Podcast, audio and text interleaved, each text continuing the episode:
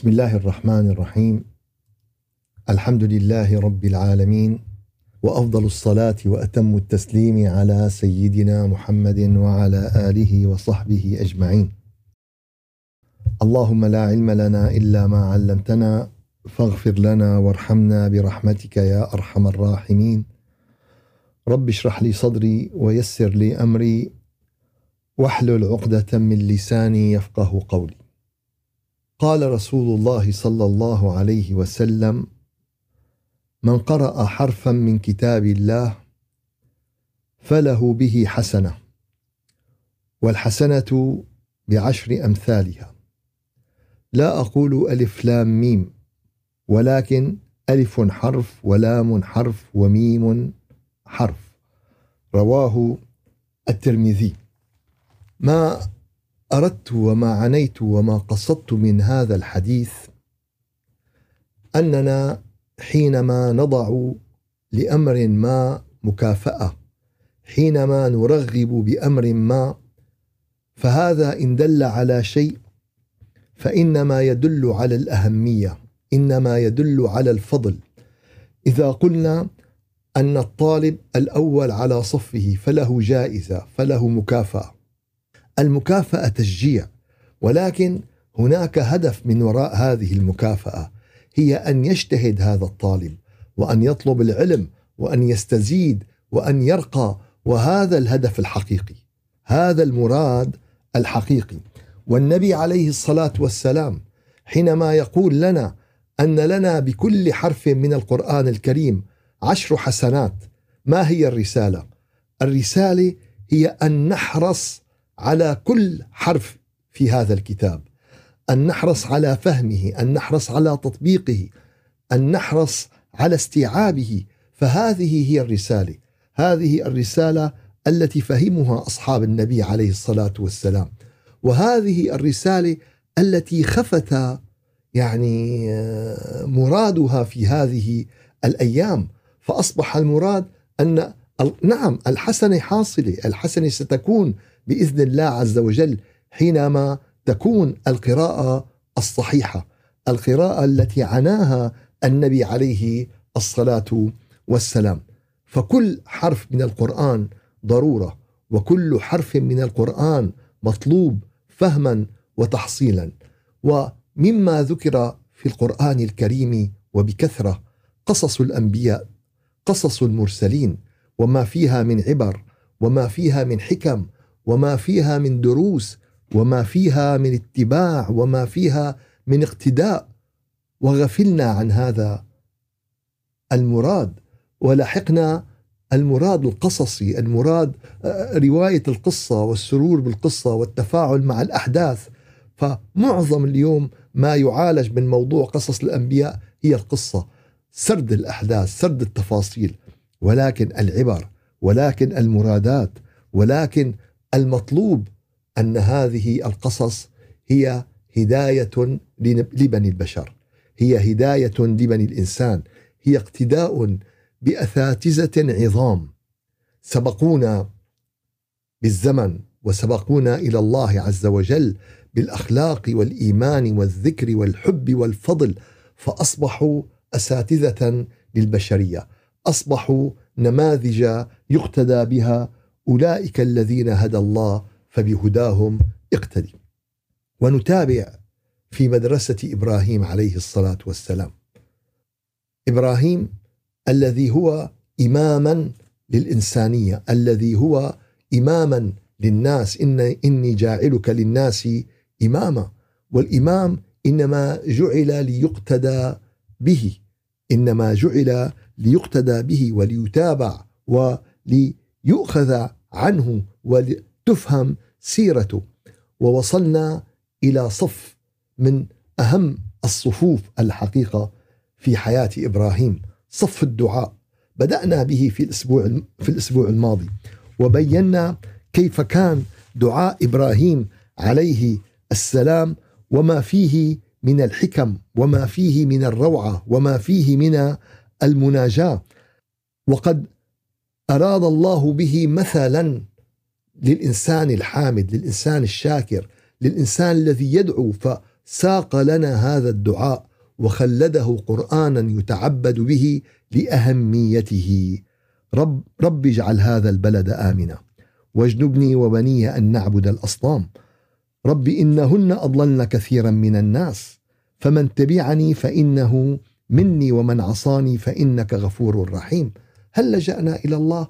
هل لجأنا إلى الله وطلبنا من الله أن يحمينا من اصنام انتشرت وعبدت من دون الله عز وجل. هل رجونا الله أن يحمينا من فكر؟ فكر اليوم اليوم صنم الالحاد لعله أن يكون أخطر صنم يهاجم الإيمان أخطر صنم يهاجم العقيدة. فهل رجونا الله عز وجل وطلبنا؟ طبعا مع الدراسة مع العلم مع المعرفة مع الردود مع الكتب مع المؤلفات كل هذا مطلوب. ولكن هل طلبنا من الله هالجزئيه هي؟ اليوم سيدنا إبراهيم عم بيعلمنا. قال كل شغلة بدك تطلبها من الله عز وجل خاصة ما يهدد إيمانك خاصة ما يهدد عقيدتك خاصة ما يهدد عقيدة وسلامة أبنائك. دعاء ومع الدعاء عمل.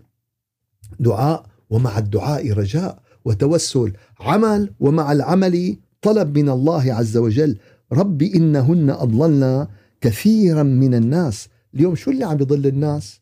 اليوم شو اللي عم يضل الناس؟ ولسه في الجعبة للذين يخالفون الإيمان ويخالفون يخالفون الدين. لسه في جعبتهم الكثير. شو؟ في جعبتهم الكثير. اليوم اللي عم نشوف الناس اللي عم بتضل وعم نشوف الناس اللي عم تنحرف وعم نشوف الناس اللي عم تترك الدين وعم نشوف الأبناء اللي عم يبطلوا الصلاة واللي عم آه، بيتركوا كل الدين إن كان في ظاهره وإن كان في حقيقته وجوهره. كل شيء من الدين عم يبتعدوا عم يبتعدوا عنه. فأول شيء بدنا نلتجئ إلى الله. وهذا درس في دعاء إبراهيم عليه السلام. فمن تبعني فإنه مني ومن عصاني فإنك غفور رحيم. نطلب الاتباع ونطلب الاهتداء ومن يخالف نرجو له الرحمة من الله، نرجو له الهداية من الله عز وجل، لا نتخذ منه أعداء ولا نتخذ منه ولا نعلن عليه حرب، بعد ذلك ربنا إني أسكنت من ذريتي بواد غير ذي زرع عند بيتك المحرم. بينا كيف أنه أسكن ذريته بيت رحمة الله. أسكن ذريته بيت الصلة بالله. فهل جعلت يا أخي بيتك هو بيت الصلة بالله؟ هل جعلت بيتك هو بيت الرحمة إلى الله؟ ولا ولا بس آه، حراء وكوسة محشي وملوخية و... هذا شو بدنا نطبخ اليوم؟ شو بدنا ناكل اليوم؟ شو عملنا؟ غسلنا الغسيلات؟ س... معلش إذا رجعنا اليوم حطينا هيك جدول أعمال كل منزل من منازلنا. خلينا نساويها. خلينا نحط جدول أعمال لمنزلنا يا ترى شو أهدافنا؟ الطبخ 70 80% إذا ما في طبخة قامت القيامه أما إذا ما في سكينة إذا ما في إيمان إذا ما في صلة بالله إذا ما قمت إذا ما أقيمت في البيت صلاة جماعة. عادي. طيب كل اليوم اليوم ما صار في صلاة جماعة؟ طيب كيف هالولد صغير بده يتعلم؟ كيف هالولد صغير بده يفهم؟ كيف هالولد صغير بده ينشأ فهذا السكن اليوم سيدنا إبراهيم بهذا الدعاء عم يعطينا مفهوم قديم ولكن جديد بالنسبة لنا أن السكن إني أسكنت من ذريتي بواد غير ذي زرع. لا في أوتيلات لا في آه، مي لا في كهرباء لا. ولكن أسكنهم في قرب الله عز وجل وفي محبة الله عز وجل وفي الصلة مع الله عز وجل. هذا السكن الحقيقي. يروى قصة من القصص أن يوما من الأيام كان ملك يتجول في أحياء آه، دمشق القديمة أو في أحياء إحدى المدن القديمة ف آه، هيك ريحة حلوة ولقى إنسان لطيف فقال له شو هالريحة؟ قال له والله عاملين آه، فتوش تفضل لعنا فدخل الملك لعندهم وطبعا الفتوش في عدة أنواع في فتوش بخضر وكذا في فتوش بنطبخ بتوم وخبز وحمض. وإلى آخره. يعني في أنواع بجوز واحد لك لا هذا الفتوش لا. لا في أخضر وفي مطبوخ في هيك وفي هيك. فدخل الملك إلى منزل هذا الإنسان البسيط فوجد السكينة وجد رائحة الإيمان وجد الهدوء.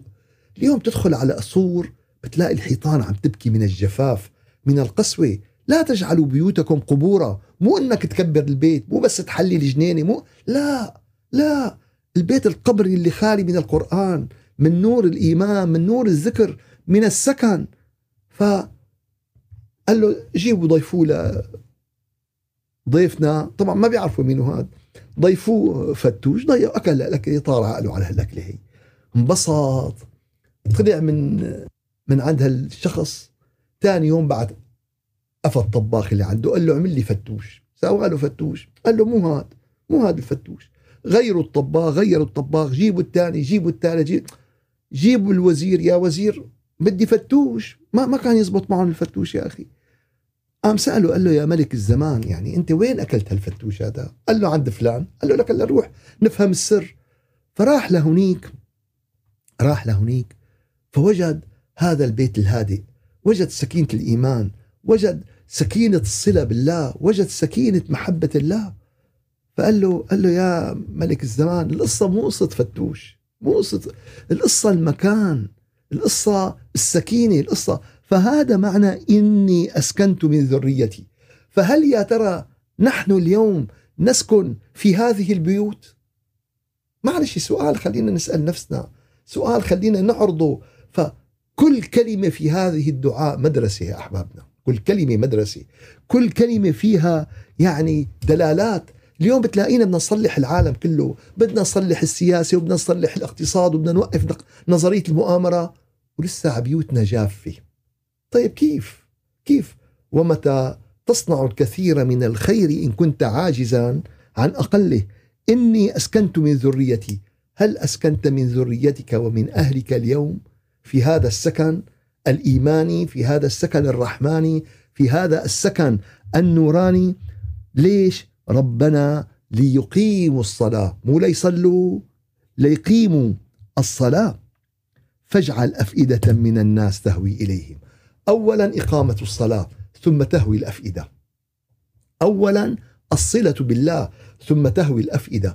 اولا محبة كتاب الله ثم تهوي الأفئدة. محبة رسل الله ومحبة نبي الله محمد صلى الله عليه وسلم ثم تهوي ثم تهوي الأفئدة وانظر إلى العبارة تهوي إليهم. وارزقهم من الثمرات لعلهم يشكرون. ثم يأتي الدرس العظيم.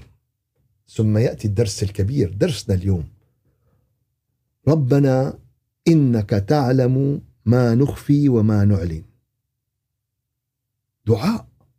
ولكن قبل الدعاء درس بالإيمان. درس باليقين. درس بقضية غايه بالاهميه عنوان عريض كبير الذي هو مراقبة الله عز وجل. يا رب نحن بنعرف أنك تعلم ما نخفي وما نعلن. هل علمت أن الله يعلم ما تخفي وما تعلن؟ تعرف هل علمت أن الله بيعرف اللي مخبيتيه واللي أعلنتيه؟ تعرفي ربنا إنك تعلم ما نخفي وما نعلن وما يخفى على الله من شيء في الأرض ولا في السماء دعاء ولكن قبل الدعاء يقرر حقيقة يقرر إيش؟ يقرر حقيقة أن الله يعلم كل شيء عنك فأين المفر؟ وين بدك تهرب؟ وين بدك تروح؟ قال فأين المفر؟ وبنفس الوقت لك البشارة. يعني عطوا بالكم كل جانب يا أحبابنا. له جانب مخيف له جانب رائع. له جانب قاتم له جانب منور وظاهر وفي بشار كل شيء. فقالوا لي رب العالمين بيعرف عنا كل شيء. إيه منيح. فمعناتها مثل ما بيعرف عنك أعمالك السيئة بيعرف أعمالك الصالحة. والمزية اللي أعطاك إياها رب العالمين أنه أعمالك السيئة فيك تتخلص منها بينما أعمالك الصالحة تبقى باقية لك إلى يوم القيامة. فالله يعلم كل شيء عنك فأين المفر؟ ولك البشارة. ما يكون من نجوى ما يكون ألم تر أن الله يعلم ما في السماوات وما في الأرض؟ ما يكون من نجوى ثلاثة إلا هو رابعهم. الحديث الوتوتي لما بيقعدوا هيك تنتين مع بعضهم بيوتوتوا هيك أو بيقعدوا رجاله بيقعدوا يوتوتوا والناس كلها قاعدة. ما يكون هي النجوى ما يكون من نجوى ثلاثة إلا هو رابعهم ولا خمسة إلا هو سادسهم ولا أدنى من ذلك ولا أكثر إلا هو معهم. والله جلسوا يتآمروا جلسوا يحكوا على فلان جلسوا يتآمروا على فلان. يا أخي ما حدا دريان ما حدا عرفان. فصلوا موبايلاتكم يا أخي مشان ما حدا يسمع. مشان ما حدا يتجسس علينا. اطفوا الكاميرات. سكروا إيه طيب. ألم ترى أن الله يعلم ما في السماوات وما في الأرض؟ ما يكون من نجوى ثلاثة إلا هو رابعهم ولا خمسة إلا هو سادسهم ولا أدنى من ذلك ولا أكثر إلا هو معهم أينما كانوا. ثم ينبئهم بما عملوا يوم القيامة. إن الله بكل شيء عليم. إن الله بكل شيء عليم درس بالمراقبة. يعطينا إياه سيدنا إبراهيم من خلال الدعاء. أن راقب الله عز وجل. ليش؟ قال لأن الله عز وجل يراقبك. يعني إذا أنت ما انتبهت أنت ما راقبت مو معناتها نفدت من المراقبة. أسلوب النعامة لا يجدي يا أحبابنا. قال بتخبي النعامة راسها فما بتشوف النمر يلي جاي. يعني إذا أنت ما شفتي النمر مو معناتها النمر وقف معناتها بأي لحظة بده ينقض عليك النمر و... فالله عز وجل يراقبنا ولقد خلقنا الإنسان ونعلم ما توسوس به نفسه ونحن أقرب إليه من حبل الوريد إذ يتلقى المتلقيان عن اليمين وعن الشمال قعيد ما يلفظ من قول إلا لديه رقيب عتيد. قال طيب شو المشكلة؟ قال المشكلة وجاءت سكرة الموت بالحق ذلك ما كنت منه تحيد. سيأتي يوم الحساب سيأتي يوم العقاب سيأتي يوم السؤال. لذلك سيدنا إبراهيم يؤكد هذه الحقيقة ويؤكدها تعليما للأجيال تعليما للبشر تعليما للإنسانية. ربنا إنك تعلم ما نخفي وما وما نعلن وما يخفى على الله من شيء.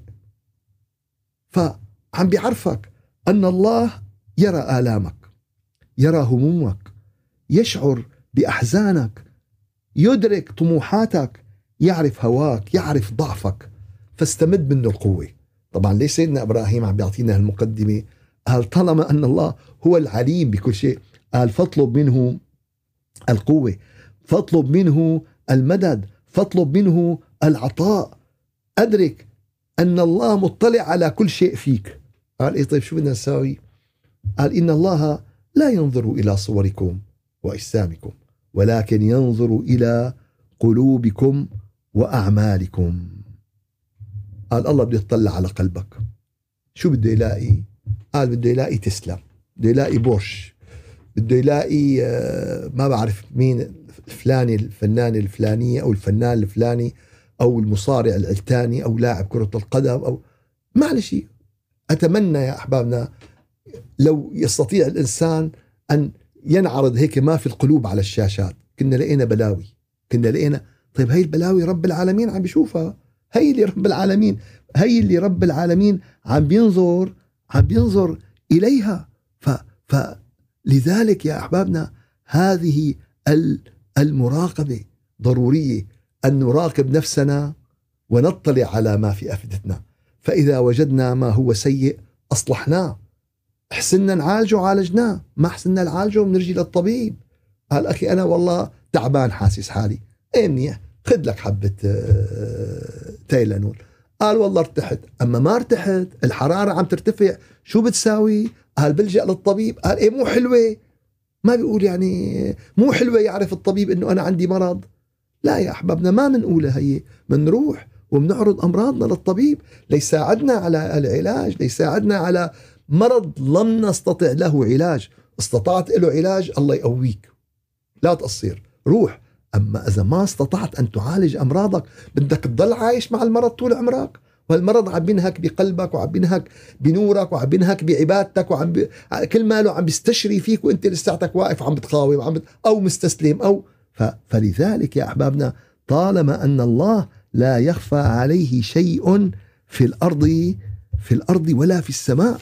ما بيغيب عنه شيء لا يخفى عنه شيء لا يغيب عنه شيء. طيب شو بدنا نساوي معناتها؟ قال إذا ما خلوت الدهر يوما فلا تقل خلوت ولكن قل علي رقيب ولا تحسبن الله يغفل لحظة أو أن ما تخفيه عنه يغيب. أو الشيء اللي أنت إذا أنت مخبيه بتخبيه عن كل الناس بس ما بتخبيه ما بتخبيه عن رب الناس. فمعنى المقار... المراقبة هو دوام علمك بأن الله لا يخفى عليه شيء من أمرك. شو؟ معنى الدواء أن الله لا يخفى عليه شيء من أمرك. قال ابن المبارك في تفسير هذا المعنى فقال كن أبدا كأنك ترى الله عز وجل. شو؟ كن أبدا كأنك ترى الله. طيب قال ما عم بيصير لي هالحال. قال كأنك تشعر بالله كأنك تحس بالله كأنك تفكر بالله كأنك تذكر الله. فالمراقبة حالة تبدأ بالفكر. البداية وين؟ قال الله أنا معي الله شايفني الله ناظر إلي. حالة تبدأ بالفكر إلا أن دوامها هو من حال القلب. شو؟ دوامها من حالة من حالات القلب. بالبداية بالفكر أنت تدرك ربنا إنك تعلم ما نخفي وما نعلن. هي حالة من حالات الفكر. ولكن بعد ذلك دوام يصبح حالة من حالات القلب. فإذا انقطعت خاف الإنسان. والله غاب عنه مراقبة الله عز وجل فيجب أن ينتقل ساعتها إلى حالة الخوف حتى يرجع ويعود إلى حالة المراقبة. وللمراقبة ثمرات. من هذه الثمرات هي زيادة الإيمان. زيادة الإيمان. فلا تتحسن صلاتك إلا بالمراقبة. لا تتحسن عبادتك إلا بالمراقبة. لا يتحسن قرآنك إلا بالمراقبة. هذه المراقبة التي تورث المقامات العلى. شو بتعطيك المراقبة هي؟ قال بتورثك المقامات العلى. فسبعة يظلهم الله في ظله يوم لا ظل إلا ظله. ترجع بتلاقي منهم رجل ذكر الله خاليا ففاضت ففاضت. عيناه هذه الحالة الذي يشعر برقابة الله يشعر بمراقبة الله عز وجل. هذه المراقبة التي تورث الإخلاص في القلوب. ما في مراقبة ما في إخلاص. إذا هو غافل عن الله كيف بده يخلص؟ مع الله. فأفضل الطاعات مراقبة الحق على دوام الأوقات. فأنت إذا عم بتراقب الحق صلاتك بتزبط قرآنك بيركز عبادتك بتركز صلتك مع الله عز وجل بتركز. هذه المراقبة هي طريقك إلى الجنة. إن الذين يخشون ربهم بالغيب لهم مغفرة وأجر كبير. ليش لهم مغفرة وأجر؟ لأنهم بحسوا الكلام يا أحبابنا الكلام جميل الكلام سهل ولكن التطبيق التطبيق يا أحبابنا يحتاج إلى كثير من الجهد ومن الشيء عكس الشيء كمان ذم التخلي عن المراقبة إنه يتخلى الإنسان عن هذه المراقبة فهي من صفات إيش؟ المنافقين وإذا خلوا إلى شياطينهم قالوا إنا معكم إنما نحن مستهزئون هي صفات مين؟ المنافقين ضياع الأعمال يا أحبابنا. عدم المراقبة تؤدي إلى ضياع العمل. فمن كان يرجو لقاء ربه فليعمل عملا صالحا ولا يشرك بعبادة ربه احدا. غياب المراقبة يا أحبابنا توصل إلى الرياء. توصل إلى الرياء.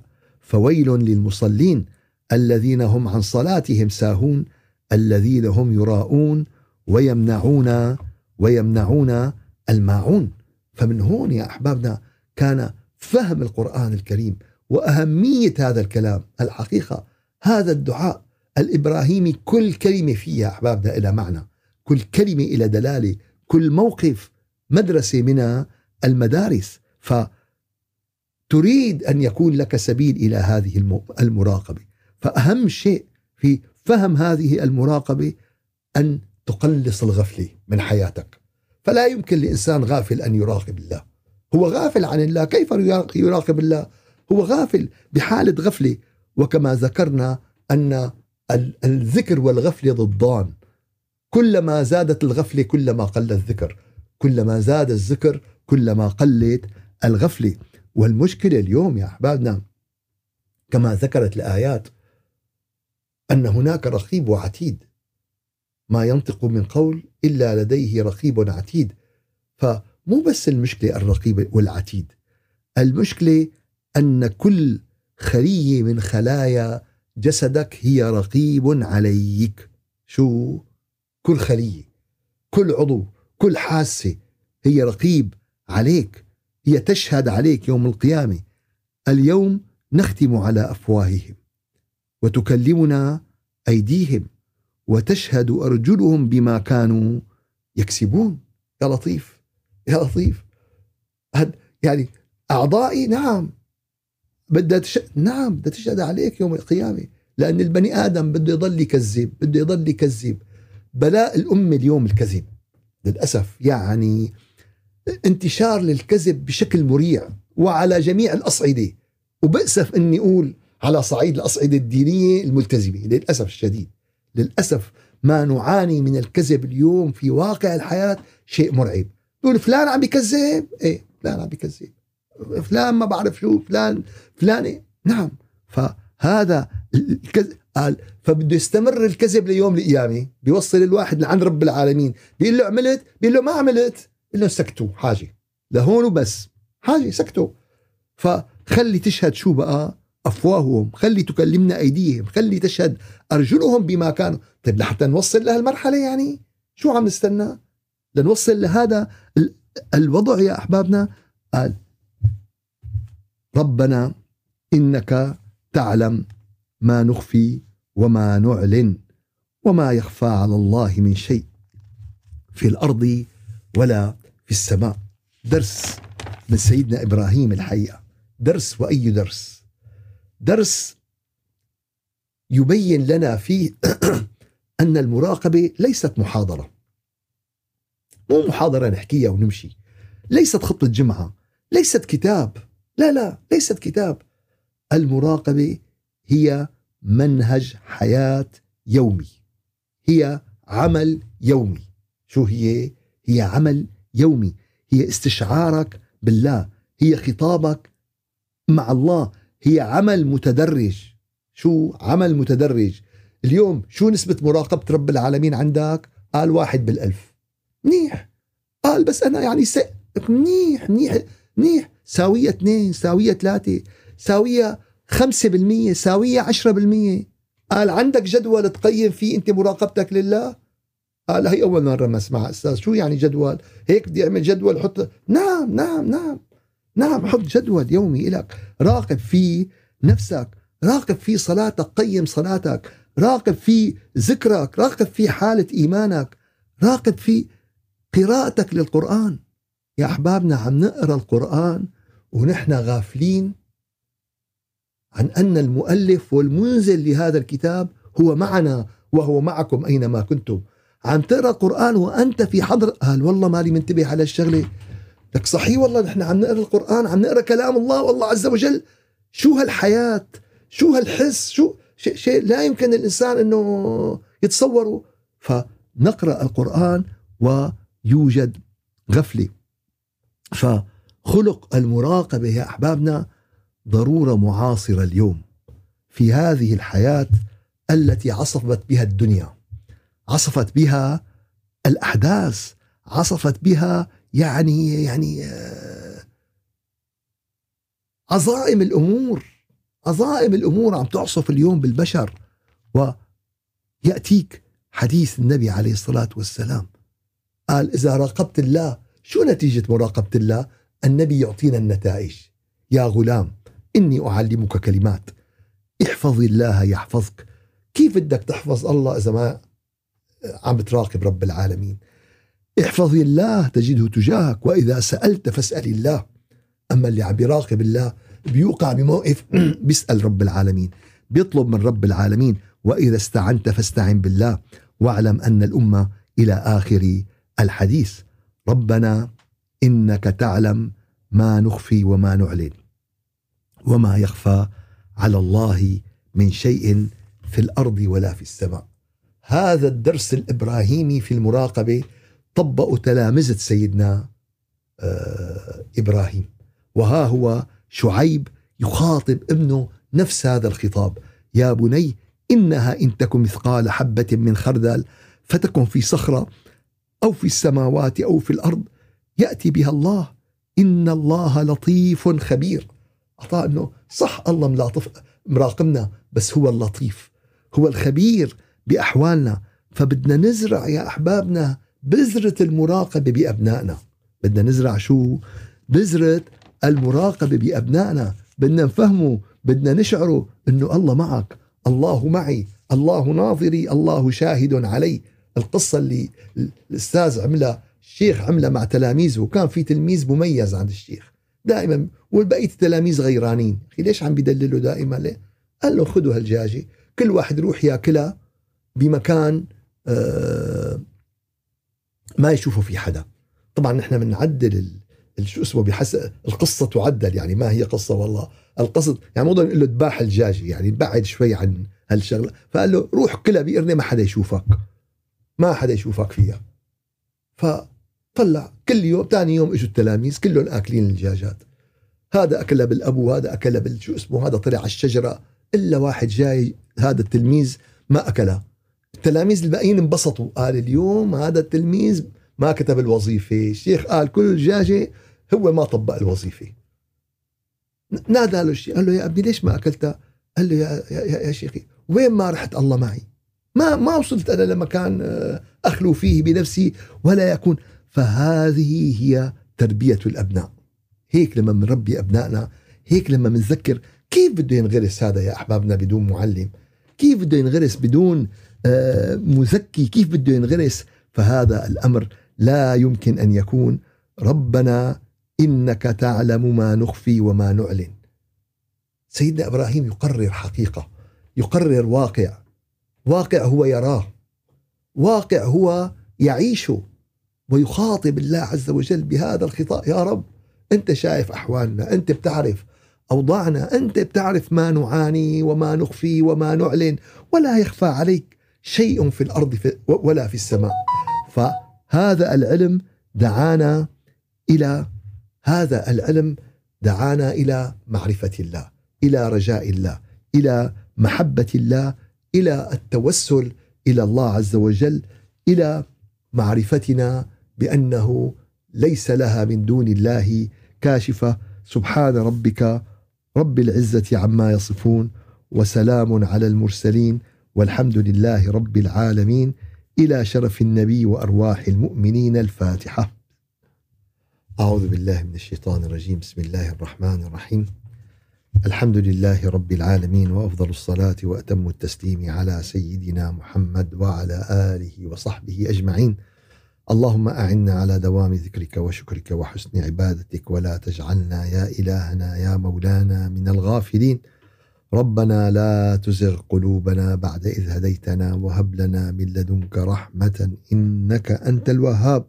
يا رب العالمين يا رجاء السائلين يا غياث المستغيثين نسألك إيمانا يباشر قلوبنا حتى نعلم بأنك الحق ودينك الحق وكتابك الحق والجنة حق والنار حق وأنبياؤك ورسلك حق. يا نور السماوات والأرض يا خالق كل شيء يا نور كل شيء وهداه يا جامع الناس ليوم لا ريب فيه. اجمع قلوبنا مع أنوار معرفتك. واجمع قلوبنا مع أنوار محبتك. واجمع قلوبنا مع أنوار كلامك. واجمع قلوبنا مع أنوار ذكرك بفضلك وجودك ورحمتك. واجعل خير أيامنا يوم نلقاك وأنت راض عنا. سبحان ربك رب العزة عما يصفون. وسلام على المرسلين والحمد لله رب العالمين إلى شرف النبي وأرواح المؤمنين الفاتحة.